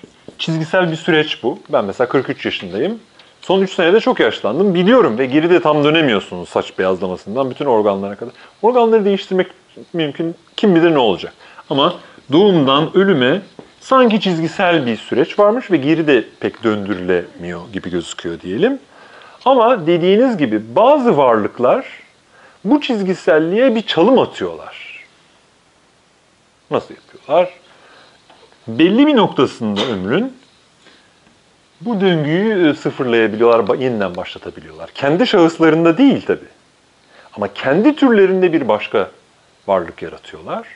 Ve karıncaların bu kadar kımıl kımıl olmasının esprisi bu. Hayvanları anlamak istiyorsanız ilk düşünmeniz gereken şey yavru, üreme, işte vesaire vesaire. Başka bir deyiş, bu insana hiç özgü bir şey değil. Hatta insandan, insandan çok az söz edeceğiz, göreceksiniz. İnsan psikolojisi olmayacak konumuz hiç. Bayağı biyoloji konuşacağız neredeyse. O yüzden ilk hayal kırıklığı bu aslında. Ve doğaya baktığımızda Aristoteles'in gördüğü şey çizgisel gibi gözüken süreçler. Evet çizgisel gibi gözüken pek çok süreç var. Özellikle inorganik cisimlerin yani dört öğenin hareketleri çizgisel. Ama e, adeta e, bitkiler ve hayvanlar Ee, baksanıza ben topraksı şeyi yukarılarda tutuyorum. İçine hava çekiyorum, çıkartıyorum, kan dolaşıyor vesaire. Bir sürü öğeyi ben o öğelerin normalde durmayacakları yerlerde durdurtuyorum adeta. Ve bunu yaparak da göya kendi e, naciz varlığımı sürdürüyorum birkaç sene. Ama doğa o kadar ezeli ve ebedi, optimal bir sistem ki. Ya Ömer'e göre ayarlanmış hiçbir şey zaten yok ama insana göre ayarlanmış her şey var. İnsanın bir habitatı var. Tavşanın, e, çekirgenin, karıncanın habitatı var ve nişi var ve e, çok iyi bir düzen sağlanmış ona. O kadar iyi ki bu kadar olur neredeyse. Ezelden beri bu varlıkların üreye üreye bugüne kadar gelmelerini sağlayabilecek kadar iyi. Ve hatta bugünden de e, ebede gidecek kadar da e, sağlam, kendi kendini sürdüren bir sistem var. Başka bir deyişle sürekliliği ve kendini sürdürebilirliği yalnızca yıldızlarda aramamak gerekiyor. Esasında türlere baktığımızda da gördüğümüz bir şey bu Aristoteles'e göre. Görüyorsunuz Aristoteles'in tür anlayışı ve biyoloji anlayışı büyük ölçüde esasında evrimle bu bağlamda e, çok zıt.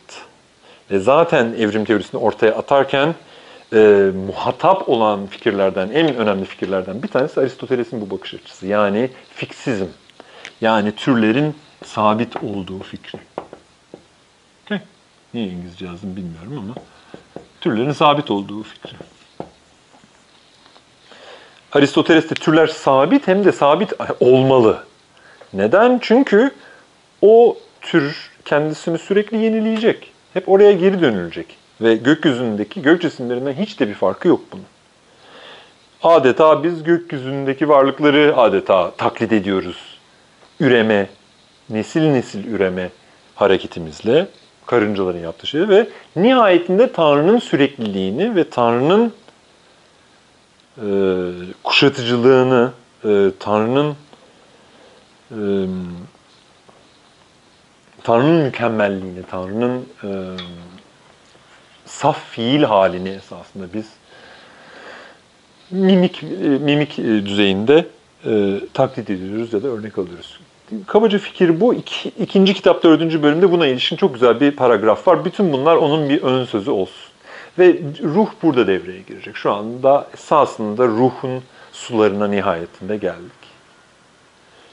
Neden? Ay altında cansız varlıkların neredeyse saf çizgisel süreçler yaşadıklarını ama canlıların bu çizgiselliğe rağmen bir tür e, daireselliğe bağlanabildiklerini gördük. Peki nedir bu daireselliğe? Nasıl bağlanabiliyorlar? Canlıyla cansızın farkı neye sorusuna böylece gelmiş olduk.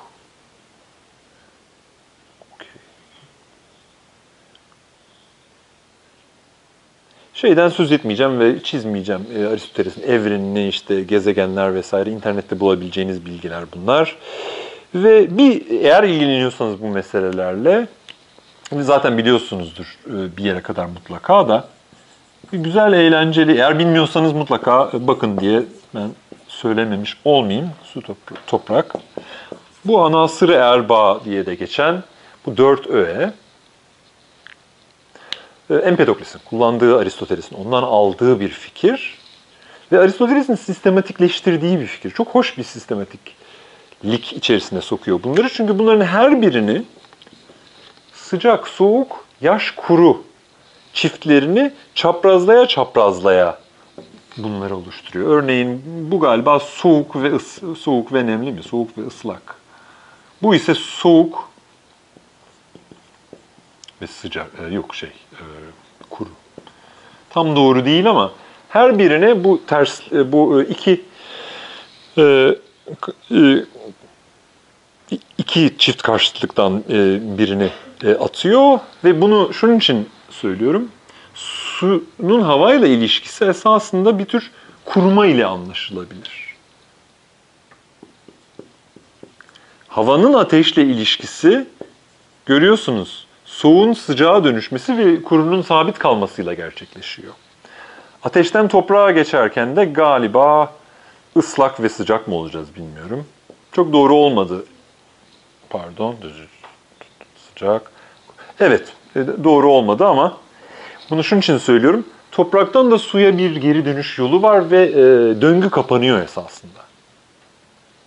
Bunu şunun için söylüyorum. Aristoteles'in bu sistemimsi şeyi ve sonradan tabii Galenos, Sun ve sonrakilerin e, üzerine inşa ettikleri bu ana yapı e, eski insanlar aptal insanlar değillerdi ve yüzyıllarca hatta bin yıllarca kullanılmış, tepe tepe kullanılmış bir e, şemadan söz ediyoruz bu burada. Birincisi şemanın acayip mantıklı olması lazım.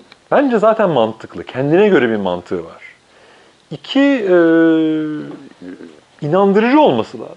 Belli bir inandırıcılığı var. Onu size anlatmaya çalıştım. Yani eski insanlar bizden daha aptal değillerdi ve inandıkları e, inandıkları şeyin belli bir e, belli bir e, yani makul bir özelliği olması lazım.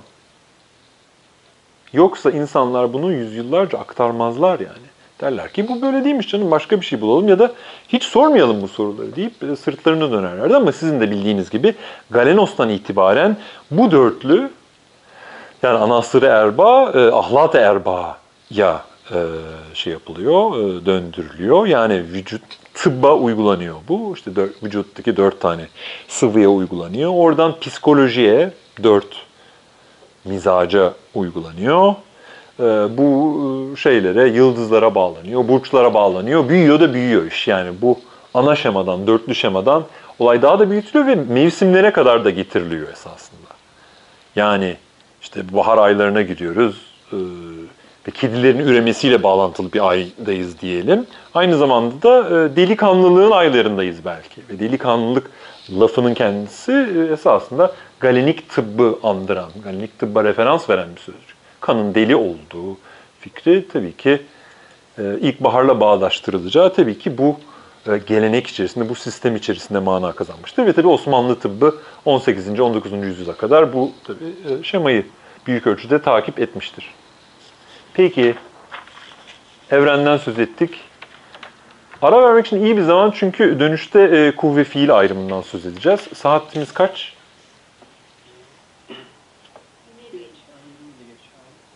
E, kaçı? 27 geçiyor? Üçü. bir buçuk saat oldu mu? 5-10 dakika sonra oldu. Ee, burada bırakalım ve bir dahaki hafta mı devam edelim? Yoksa e, sizin hala haliniz var mı? Siz bir de faydalandan çıkıyorsunuz. Dolayısıyla esasında size kalmış. Devam edebiliriz hocam. Bence gayet iyi. Şimdi bu güzel sese hiç kimse itiraz edemez. Ee, peki bir şansımızı deneyelim. Bir 5-10 dakika sonra yeniden burada buluşalım. Ee, sürünürsek de kapatırız. Siz kitabını yapmışsınız. Aristoteles'in en ünlü doktrinini zaten bilmemenize imkan yok. Dolayısıyla bir 20 dakikamız var. O 20 dakikada ruh konusuna bizi götürecek biçimde kuvve ve fiil doktrininden söz edelim. Ay altında öğelerin mesela e, sıcak soğuk e, yaş kuru ikiliklerinden iki tanesinin eşleşmesiyle analiz edilebildiğini görmüştük. Ve o karşıtlardan bir tanesinin tegayyür etmesiyle sanki başka bir öğeye geçiş olabileceği e, fikri karşımıza çıkmıştı. Başka bir deyişle e, değişim mümkün. Değişim daha doğrusu bizim zaten algıladığımız bir şey Aristoteles'e göre. Ve değişimi analiz edebilmek inanılmaz zordur. Değişimi ya da hareketi. Aristoteles görünen o ki kuvve ve fiil diye e, iki ayrı kavram oluşturuyor esasında. E, değişimi anlayabilmek için, hareketi anlayabilmek için.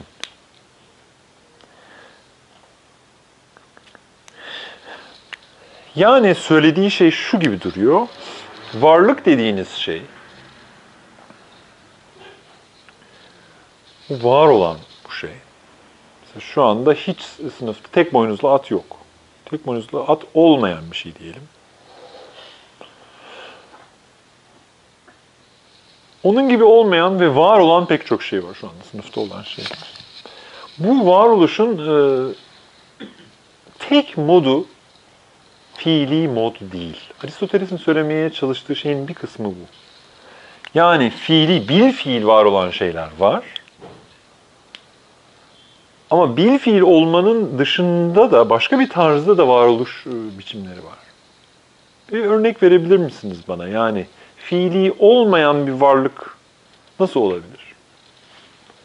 Bil kuvve tabii diyeceğiz bunu. Bil kuvve varlık için bir örnek verebilir misiniz mesela? Hı? Var mı bir şeyiniz?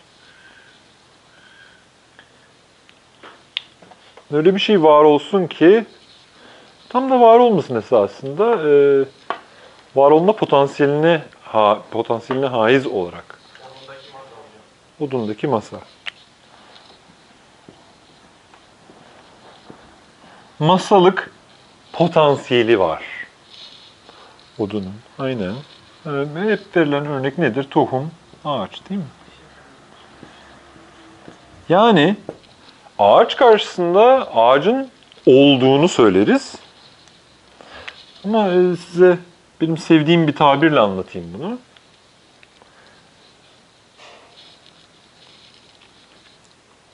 Manava gittiniz, e, kiraz var tezgahta. Bilfiil kiraz var demektir. Ama kiraz öyle bir var olabilir ki henüz olmamış deriz biz o kiraza. O kirazın var olmadığı anlamına gelmez. Kiraz var da olmamış dememiz mümkün. Esasında kastettiğimiz şey e, henüz kuvve halinde esasında. Yani bu odundan tam masa, ya bu masa olmuş mu? Ee, olmamış. Yani henüz odun gibi bir şey bu. Henüz odundan masaya dönüşümü tamamlanmamış. O anlamda olmamış diyebiliriz. Bir sanat eserine de olmamış diyebiliriz. Olmamış şey mi demek? Yok mu demek? Na mevcut mu demek? Hayır, var. Var da belli bir kıstasa göre henüz potansiyelini kamilen gerçekleştirememiş. Birazcık fikir bu esasında. Ve bu şunu gösteriyor. Eğer bu ayrımı yapmazsanız ontolojinizde, yani bil kuvve varlık, bil fiil varlık arasında bir ayrım yapmazsanız ne olacak biliyor musunuz? Tohumlara bil fiil varlık gibi bakacaksınız ve tohumun tohumluğu kalmayacak ki. Tohum bil fiil var olan herhangi bir şey gibi olacak. Oduna baktığınızda odunun masayla hiçbir ilişkisi kalmamış olacak tohumun ağaçla bir ilişkisi kalmamış olacak. Benim bir 5 aylık çocuğum var. Ona bakıyorum o bir canlı. Harika bir varlık. Ama mesela diş çıkartıyor şimdi. Dolayısıyla dişleri e, kaşınıyor, akşamları uyanıyor, ateş çıkıyor vesaire vesaire. Bütün bunları ben onun bir fiile doğru gelmesinin bir epizodu olarak görmezsem anlamlandıramam yani. Anlatabiliyor muyum? Yani fiili olarak dişleri çıkacak, dişleri olan bir varlık aslında o. Ve o potansiyelini yavaş yavaş ortaya çıkartmaya çalışıyor ve yaşadığı ağrı da o. Şimdi ben yani fiilin e, fiilin e, süzgecinden kuvveye bakmadığım zaman, kuvvede olan şeyin fiili olduğunu düşündüğüm zaman dişleri kaşınıyor. Niye kaşınıyor? Kaşınıyor. Demek durumunda kalacağım. Anlatabiliyor muyum ne demek istediğimi? Ee, zor şeydir. Ee, Aristoteles'in bu ayrımı yapılabilecek en ilginç ayrımlardan biridir. En önemli ayrımlardan biridir. Ve felsefesinin her yerinde bunu e, kullanacak esasında. Bunu göreceğiz. Bu şeye bir ilk işaret edelim. Bu bir yere kadar da e, madde biçim ayrımına da denk düşer. E, bu ayrıma denk düşüşü odun masada çok kolay gözüküyor. Yani masanın hakikaten e, maddesi odun. Ama bakmamız gerekecek yani ağacın maddesi tohum değil. Peki bu ikililer arasındaki ilişkiler tam olarak ne? Bunu netleştirmek gerekecek. Ama tohum ve ağaçtan gördüğünüz gibi şimdi bir başka bir örnek daha yazacağım. E, yumurta ve tavuk e, ya da e, evet yumurta ve tavuk örneği var. Bu e, Aristoteles'in metafiziğinin okumuşsunuzdur mutlaka. Teta yani 9. kitap 1 ila 6. bölümlerinde geçen bir e, doktrindir. Ve orada 6. ve 7. bölümde söylediği şey şu Aristoteles'in. Şimdi şuna dikkat edin. Çok önemli bir nokta bu. Önce kuvve var sonra fiil var. Önce çocukluk var sonra olgunluk var. Önce odun var ki ondan masa yapacağız. Önce yumurta var sonra yumurtadan çıkıyor işte civciv vesaire tavuk oluyor. Biz zamansal sırayı takip ettiğimiz zaman kuvvenin fiilden önce geldiğini düşünüyoruz. Aristoteles diyor ki kuvve fiilden önce gelmiyor. Fiil kuvveden önce geliyor diyor. Bizim bakış açımızda çok önemli bir dönüşüm gerektiriyor bu bakış. Başka bir deyişle Aristoteles diyor ki zor bir fikir bu ve onunla da zaten bitireceğiz. Bir yumurtanın bir tavuk yumurtası olduğu bilgisi olmuş olmasaydı o yumurta deve kuşu yumurtası olabilir, başka bir şeyin yumurtası olabilir. O gözle düşünüyor olsaydık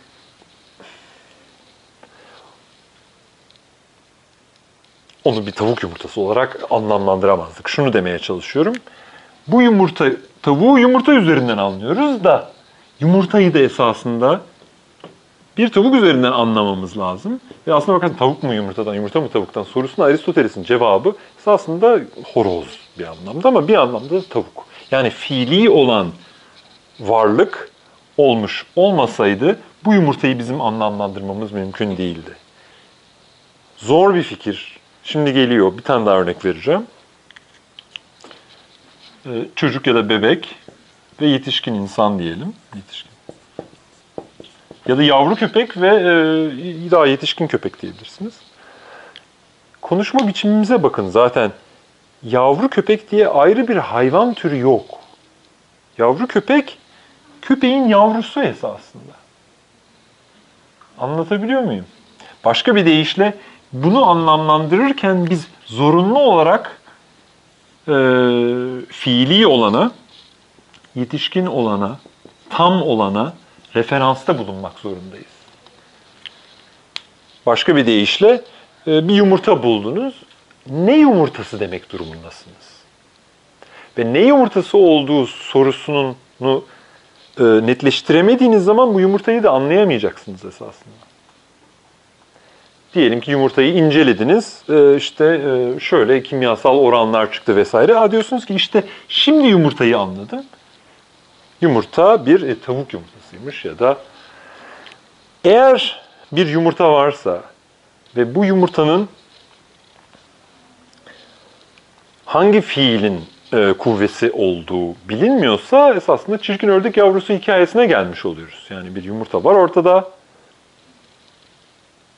Ördek yumurtası diye varsayılıyor. Yani bir kuvve var, ha, onun fiili ördektir diye varsayılıyor. Oysa ortaya çıkıyor ki onun fiili hali, bil fiil hali ördek değil kuğuymuş. Bu neyi değiştiriyor? En başında o yumurtanın yanlış teşhis edilmiş olduğunu bize gösteriyor ve o yüzden ilginç bir hikaye ya da dramatik bir hikaye o. Uzun lafın kısası biraz zor bir fikir biliyorum ama kuvve fiil ayrımı olmuş olmasaydı o hikaye dramatik bir hikaye olmayacaktı. Çünkü ilk başta var olan şey bir kuvve sahibi olan şey değil, yalnızca bir fiili olarak var olan bir şey olacaktı. Bir sürprizi olmayacaktı başka bir deyişle.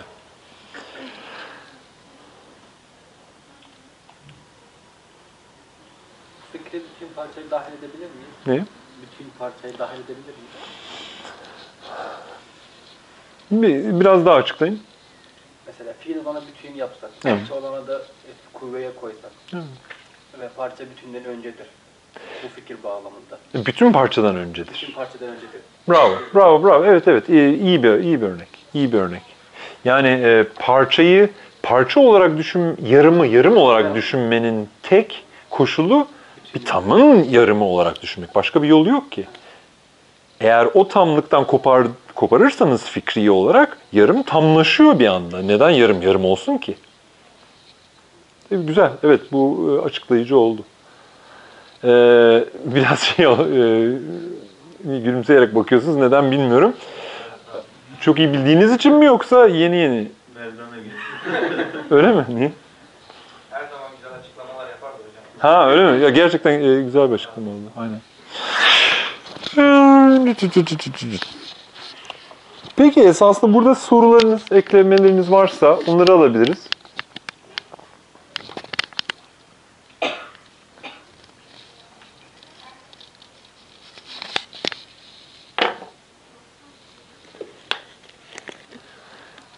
Birinci kitaba dönecek olursanız, bir dahaki haftaya kadar yapmanızı istediğim bir şey olabilir. Ee, ruhun, e, teşekkür ederim. Ruh üzerinin birinci kitabını zaten belki okumuşsunuzdur. Şu gözle okumanızı istiyorum bir kez daha. Orada Aristoteles kendinden önce gelenlerin ruh doktrinlerini bize anlatıyor. Üç temel doktrin var. Bir tanesi ruh hareketle bağlaştırılıyor. Ruh hareket ettiriyor.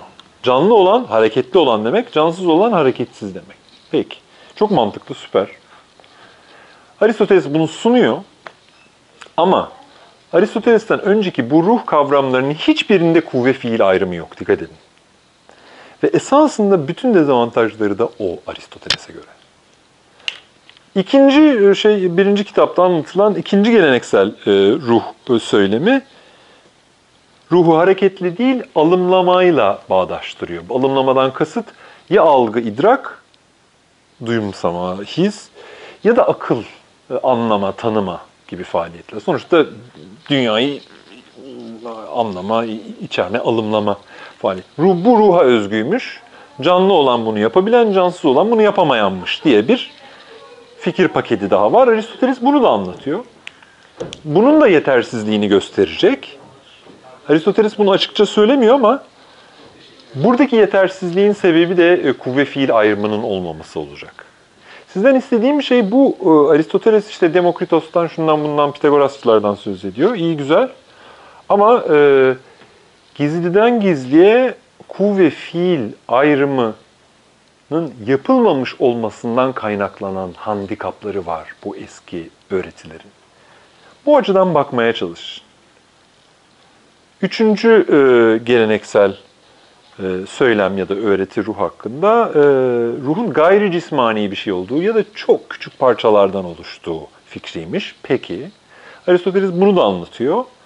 Onu da yetersiz bulacak. Onu da yetersiz bulmasının kendi söylemediği esas nedeni kuvve fiil ayrımını yapmıyor olmaları kendinden öncekilerin. Yani Aristoteles'in masaya, sofraya yenilik olarak getirdiği esas şey kuvve fiil doktrininin bir dahaki hafta göreceğimiz bir tür e, uygulaması bu kuvve fiil ayrımının getirdiği bir anlamsal zenginlik. Kuvve fiil ayrımı sayesinde canlıyla cansızı kuvve fiil ayrımından yoksun olan bir öğretiden çok daha iyi ayırt edebileceğiz. Vaat bu. Bir dahaki hafta birinci kitabı bu gözle okuyun. İkinci kitabın birinci bölümünde ruh tanımlaması eforunu görün. Kuvve fiil karşımıza çıkacak. Ve ruhu tabii bir e, kemali evvel ya da bir tür ilk yetkinlik olarak, bir tür birinci fiil olarak tanımlayacak. Acaba ne demek istiyor? E, buna birazcık kafa yorun. E, ön sözde benim e, bu konuyla ilgili bazı açıklamalarım var. İsterseniz onlara da bakabilirsiniz. Sormak ya da eklemek istediğiniz bir şey yoksa haftaya görüşmek üzere. Teşekkürler arkadaşlar.